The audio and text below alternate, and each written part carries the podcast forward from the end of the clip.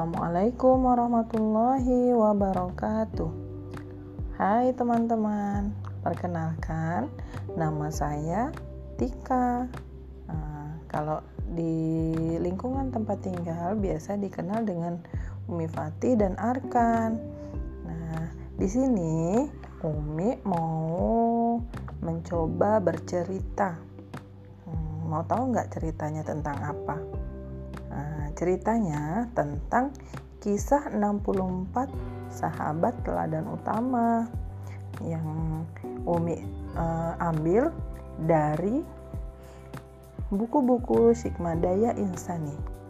Uh, Oke, okay. untuk yang pertama uh, Umi mulai dari jilid yang jilid satu yaitu Khalifah pertama Kisah Abu Bakar Ashidik. Judul yang pertama adalah Kelahiran Abu Bakar. Disimak ya teman-teman. Kelak jika melahirkan bayi laki-laki lagi, aku akan mempersembahkan anakku itu sebagai pengabdi Ka'bah. Ummu Khair tegas mengucap nazarnya. Saat itu tepat 573 Masehi. Bani Taim kembali mendapatkan keturunan baru. Seorang bayi laki-laki mungil melengkapi kebahagiaan keluarga mereka. Kelahiran bayi laki-laki ini berjarak dua tahun setelah kelahiran Rasulullah. Inilah bayi yang dinazarkan oleh Ummu Khair. Oleh karena nazarnya itu, Sang bayi kemudian diberi nama Abdul Ka'bah. Artinya adalah hamba Ka'bah. Selain karena nazar, nama ini juga menyimpan cerita menarik. Kala itu, Ummu Khair, ibunda Abdul Ka'bah, telah beberapa kali melahirkan bayi laki-laki. Namun, semua bayi laki-lakinya itu meninggal. Ibu Abdul Ka'bah bernama lengkap Ummu Khair Salma binti Sakhor. Ia berasal dari keturunan suku Quraisy. Sementara itu, ayahnya bernama Utsman bin Amir. Nama ayahnya ini kemudian dikenal dengan sebutan Abu Kuhafah.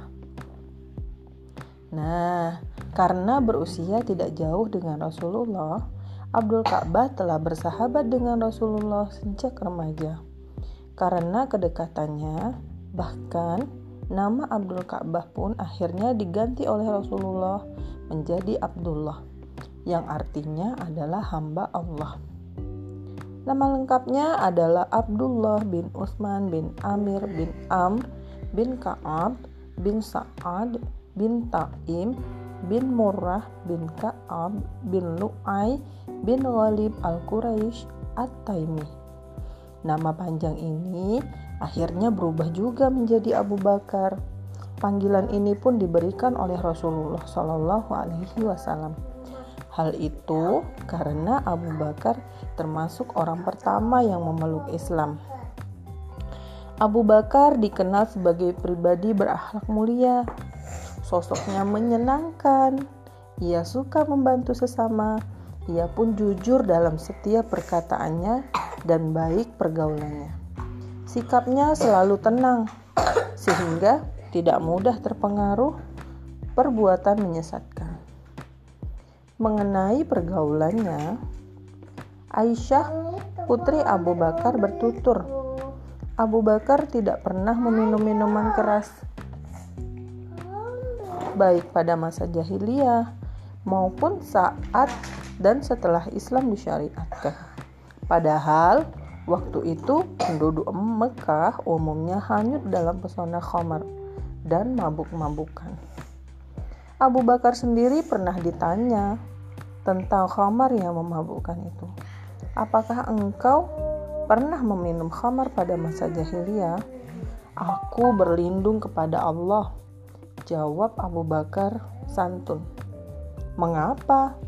Desak orang yang bertanya itu. Aku menjaga dan memelihara kehormatanku. Meminum khamar akan menghilangkan kehormatanku. tegas Abu Bakar. Demikian teguhnya Abu Bakar mempertahankan kehormatan dari kejahiliahan masyarakat Mekah masa itu. Saat kecil, Abu Bakar tumbuh sebagaimana umumnya anak-anak di Mekah.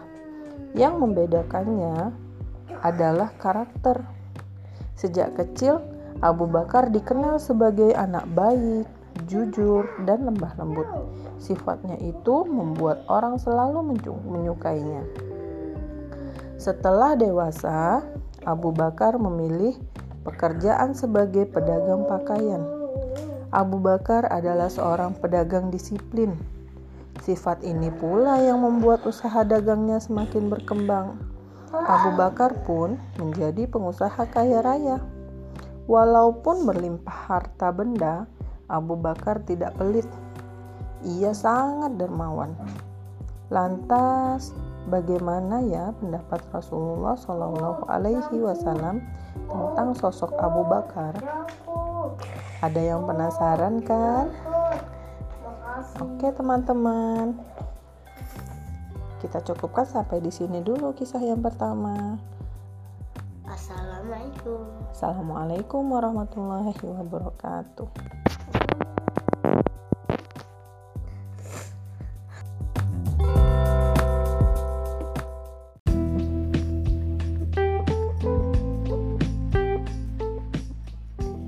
Hai, Assalamualaikum warahmatullahi wabarakatuh.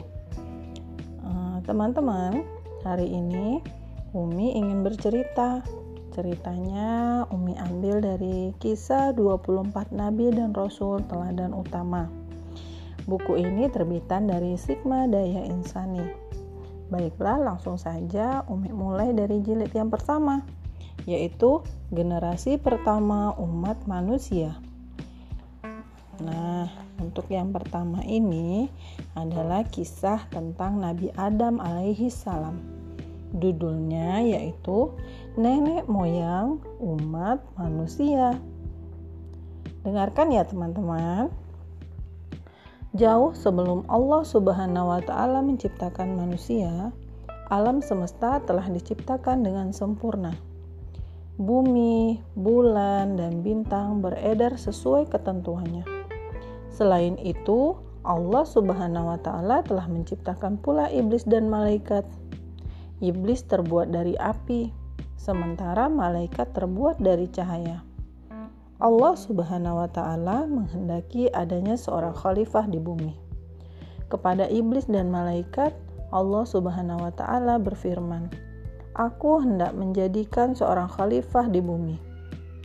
Mereka bertanya kepada Allah Subhanahu wa taala, Apakah engkau hendak menjadikan orang yang merusak dan menumpah darah, menumpahkan darah di sana, sedangkan kami bertasbih memujimu dan menyucikan namamu? Dia berfirman, Sesungguhnya aku mengetahui akan apa yang kamu tidak mengetahuinya. Allah Subhanahu wa Ta'ala menciptakan manusia. Dialah Adam. Adam terbuat dari segumpal tanah liat yang kering dan lumpur hitam yang dibentuk sedemikian rupa. Setelah bentuknya sempurna, Allah Subhanahu wa taala meniupkan roh kepadanya. Allah Subhanahu wa taala juga menganugerahkan akal dan pikiran kepada Adam. Allah Subhanahu wa taala mengajarkan nama-nama benda kepada Adam. Setelah itu, Allah Subhanahu wa taala mengumpulkan para malaikat dan jin. Allah Subhanahu wa taala memerintahkan malaikat untuk menyebutkan nama-nama benda yang ada. Namun, malaikat tidak mampu melakukannya. Mereka tidak memiliki pengetahuan tentang itu semua. Mereka menjawab, "Maha suci Engkau, ya Allah.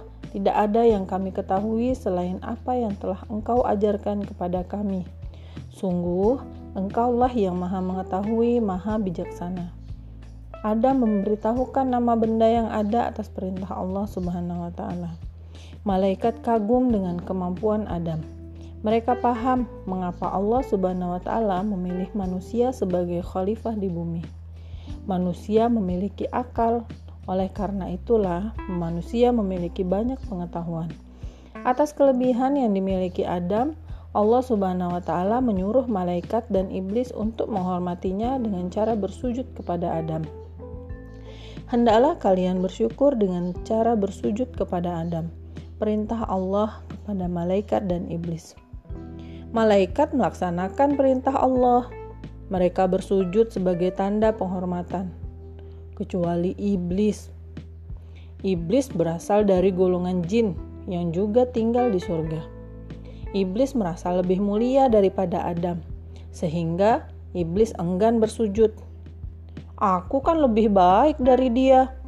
Engkau menciptakan aku dari api, sedangkan dia engkau ciptakan dari tanah, kata iblis dengan sombongnya. Maka keluarlah kamu dari surga ini. Sesungguhnya kamu adalah orang yang terkutuk. Sesungguhnya kutukanmu tetap sampai hari pembalasan. Sesungguhnya kutukanku tetap sampai hari pembalasan, kata Allah. Ya Allah, tangguhkanlah hukumanku sampai hari mereka dibangkitkan. Pinta iblis. Sesungguhnya kamu diberi tangguh sampai hari kiamat nanti. Demi kekuasaanmu, aku akan menyesatkan Adam dan keturunannya, kecuali hamba-hambamu yang beriman. Jawab iblis. Iblis akhirnya dilaknat oleh Allah sampai akhir zaman. Keadaan ini membuat iblis menjadi semakin marah terhadap Adam. Lalu, bagaimana ya kehidupan Adam selanjutnya? Teman-teman, bagaimana ceritanya? Kisahnya menarik, bukan? Umi akhiri dulu ya. Assalamualaikum warahmatullahi wabarakatuh.